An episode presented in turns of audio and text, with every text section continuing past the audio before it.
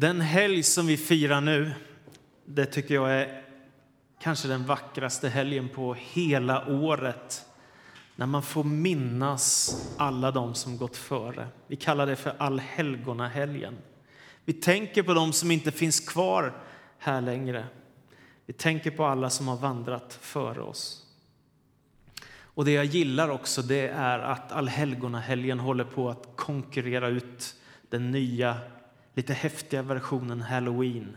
Det har ju varit populärt några år, men nu läste jag i tidningen att kanske 4-5 miljoner svenskar är och tänder ljus på gravarna den här helgen och det blir bara starkare och starkare och fler och fler. Det tycker jag är fantastiskt. Det är viktigt ibland att få tänka på de stora livsfrågorna och att få tid att fördjupa sig. Alla vi som är här idag, jag skulle tro nästan alla, eller alla, tror jag har varit med om att förlora någon människa som man har älskat, som man har delat livet med.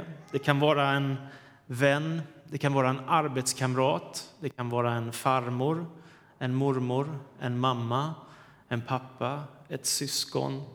Ni vet, livet är inte enkelt. Vi lever alltid i dödens närhet.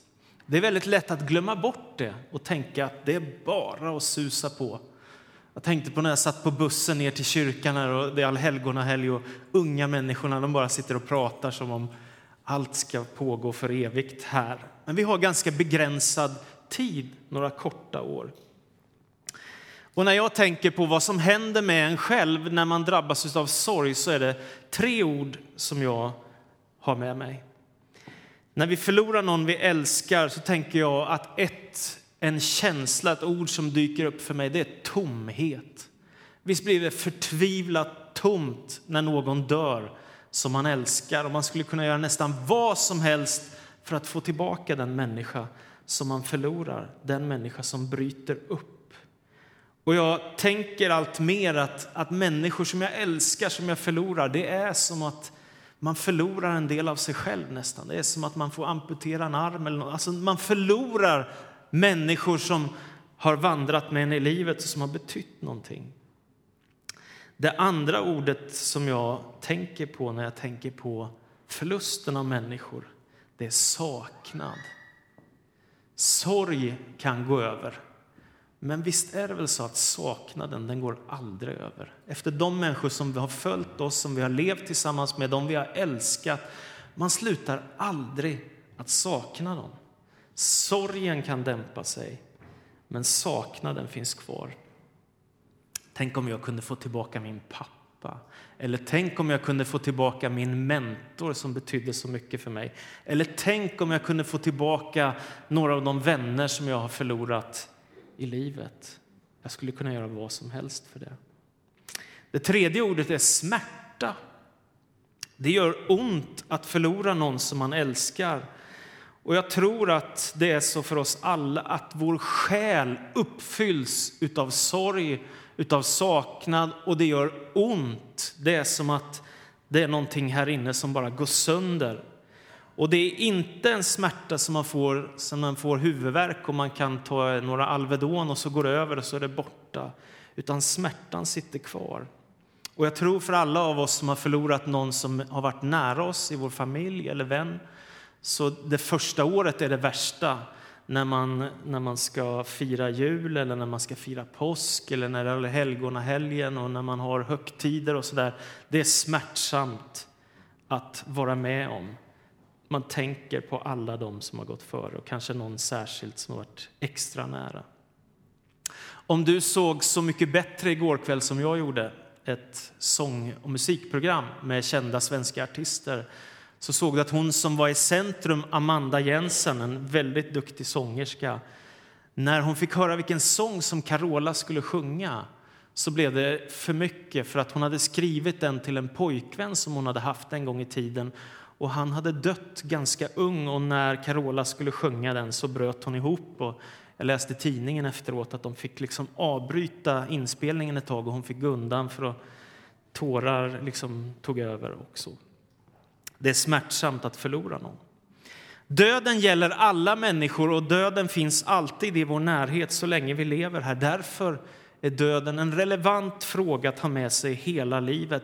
Och jag tänker att om man tänker på döden så behöver inte det vara bara skrämmande och obehagligt utan det kan vara en mycket nyttig sak som hjälper en själv att välja bort det som inte är bra i en människas liv. Är ni med? Alltså när man står inför olika valsituationer och så vet man det där är bättre än det här. Det där är ett dåligt val och det här är ett bra val. Ändå så har vi ju det där inom oss som ibland drar mot det som inte är bra. Om man tänker på att jag ska en dag dö och en dag ska det finnas en gravsten och jag ligger där. Då tänker man, vad vill jag ha gjort med mitt liv? Det är för kort för att slösa bort på oväsentligheter. Det är för kort för att ge utrymme för massa egoism eller ondska eller själviskhet eller allt för mycket av synd. Det blir slöseri med våra dagar. Och jag tänker att döden är som en slags korrigeringshjälp. Att jag behöver göra goda och kloka val i mitt liv så att jag inte lever ytligt eller slösar bort mina dagar på oväsentligheter. Livet är kort. Vad säger vi som kristna då om döden? Ja, det märkliga är att vi är ganska ensamma om att ha goda nyheter när vi pratar om döden. När jag samtalar med en ateist och vi pratar om döden så finns det inga goda nyheter från en ateist. När dagen kommer och man har en ateistisk bekännelse så säger man allting är slut, ljuset släcks, det är borta, finito, ingen mer existens. Om jag pratar med någon som kallar sig för agnostiker så säger de att man kan inte veta. Och så lever man hela sitt liv i ovisshet och vet inte vad som händer. Man har inga goda nyheter. Det är väldigt ärligt, men ändå har man inga goda nyheter. Jag tänker till exempel på hinduer som det finns så många av i Asien. Och man talar om att man ska återfödas. Och, och vi i västerlandet som tog till oss new age ett tag här, vi tänker det är något jättepositivt. För dem är det någonting hemskt att man måste födas om och om igen. Och i värsta fall om jag har dålig karma över mitt liv så blir jag född till ett djur eller någonting sämre eller en fattig människa som inte får någon hjälp i livet för jag är född i det kastet och så vidare. Det är hopplöst. Döden är inget hoppfullt. Som kristna har vi fenomenalt goda nyheter om döden. Eftersom det är kring Jesus Kristus som vi samlar vårt hopp. Vi bygger vårt hopp på honom. Och Bibeln säger att han dog för vår skull, för våra synder. Bibeln säger att han segrade över dödens makt och på tredje dagen uppstod igen ifrån de döda och segrade över döden så att han har öppnat vägen till den himmelska eviga världen för alla människor som vill bekänna Jesus som Herre. Det är oerhört. Det är ett fantastiskt hopp. Det är grunden för vår tro på evangeliet.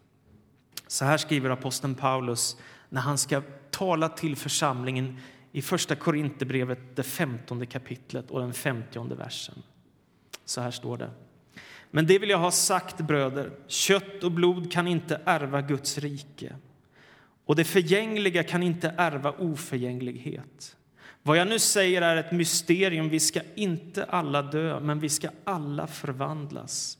I ett nu, på ett ögonblick, vid den sista basunens ljud. Till den kommer att ljuda, och då uppstår de döda i oförgänglig gestalt och vi förvandlas.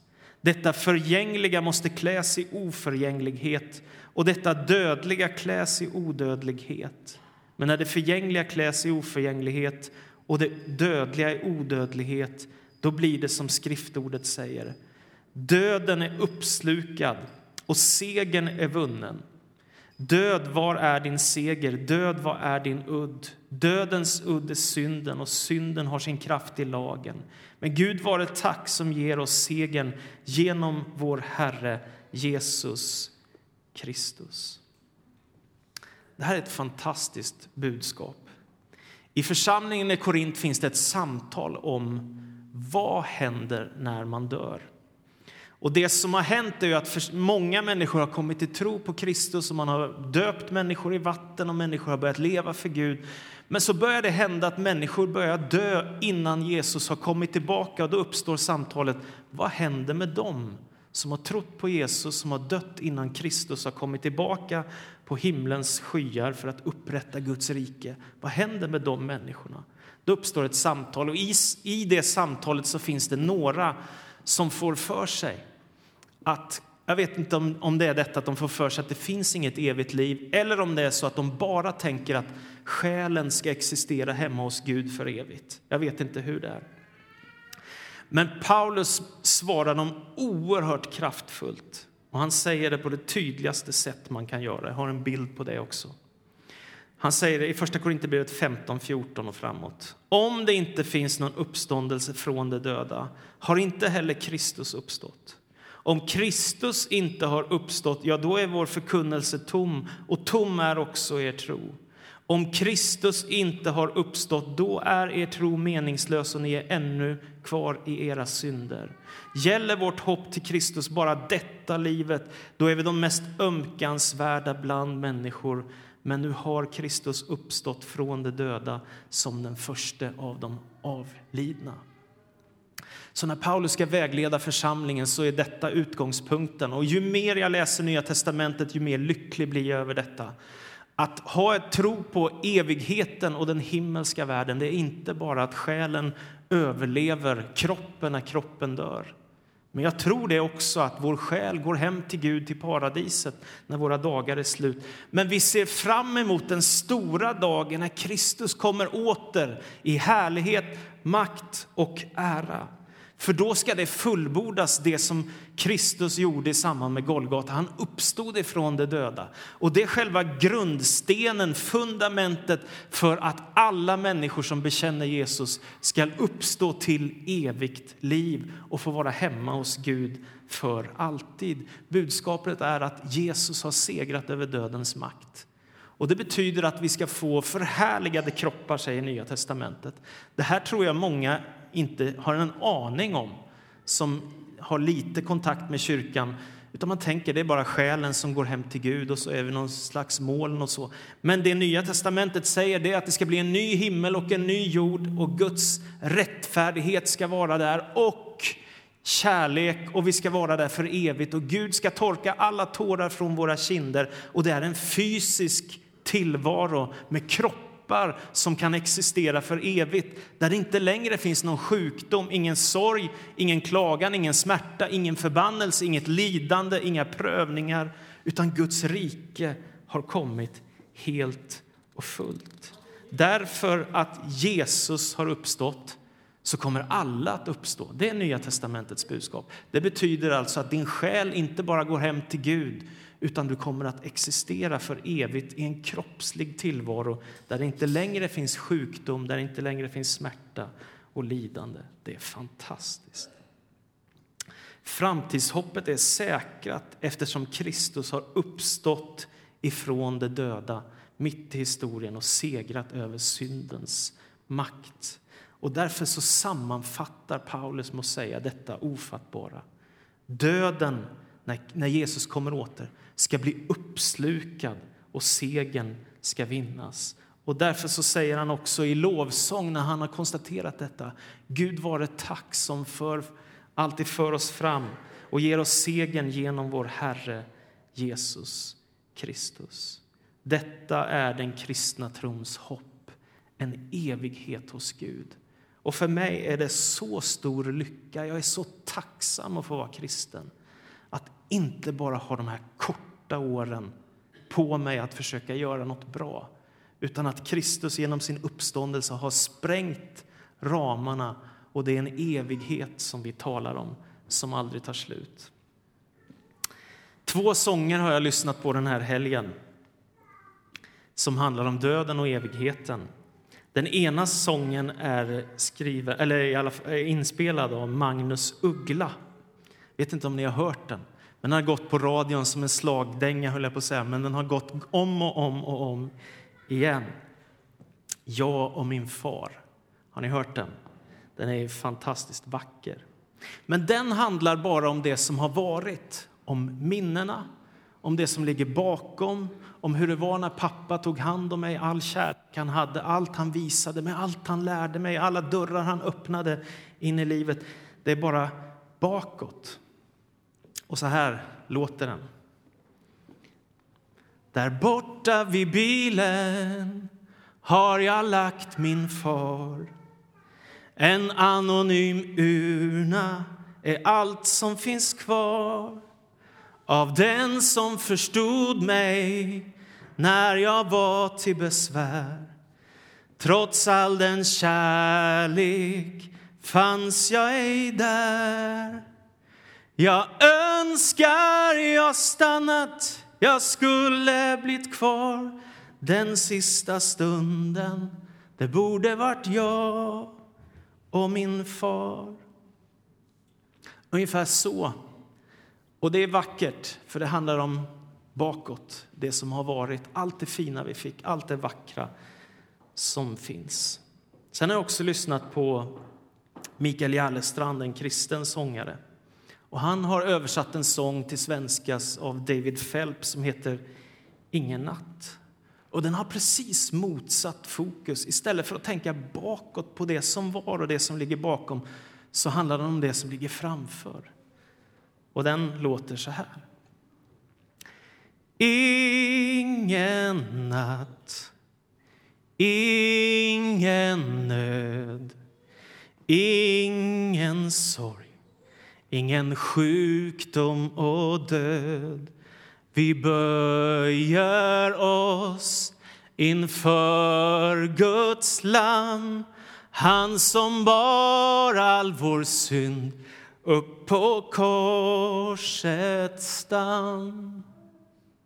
Det är lite skillnad på de budskapen, eller hur? Båda är vackra. Med det ena ser jag bakåt, jag och min far när vi vandrade där, allt han lärde mig, allt han visade. Men med Kristus så kan jag sträcka mig framåt mot allt det som väntar. Och det är inte någonting förfärligt som ligger framför, bara lidande och död, utan det är hopp. Jesus förändrade dödens makt. Lyssna, från en sorg utan hopp till en sorg med hopp. Vi blir inte av med sorgen, men vi har ett hopp. Jesus förändrade dödens makt så att dödsriket inte är den sista destinationen utan paradiset, den nya himlen och den nya jorden. Jesus förändrade dödens makt från en fruktansvärd förbannelse till en lycklig hemkomst till Gud. Visserligen kan man känna ibland att det känns som att döden har vunnit men Bibeln säger att kärleken är starkare än döden och till slut skall Guds kärlek segra helt över dödens makt. Den dagen då Jesus kommer åter i härlighet, då skall vi uppstå och vara tillsammans med honom i evigheternas evighet. Amen. Så tackar dig, himmelens och jordens skapare, för att du älskar oss och tack för att den här helgen när vi kanske de flesta av oss har vandrat på någon kyrkogård, tänt något ljus eller tänkt på dem som har gått före, att du ger oss av din nåd, av din kraft, av din glädje, din frälsning, ditt hopp, din mening. Det fyller vårt liv med lycka. Amen.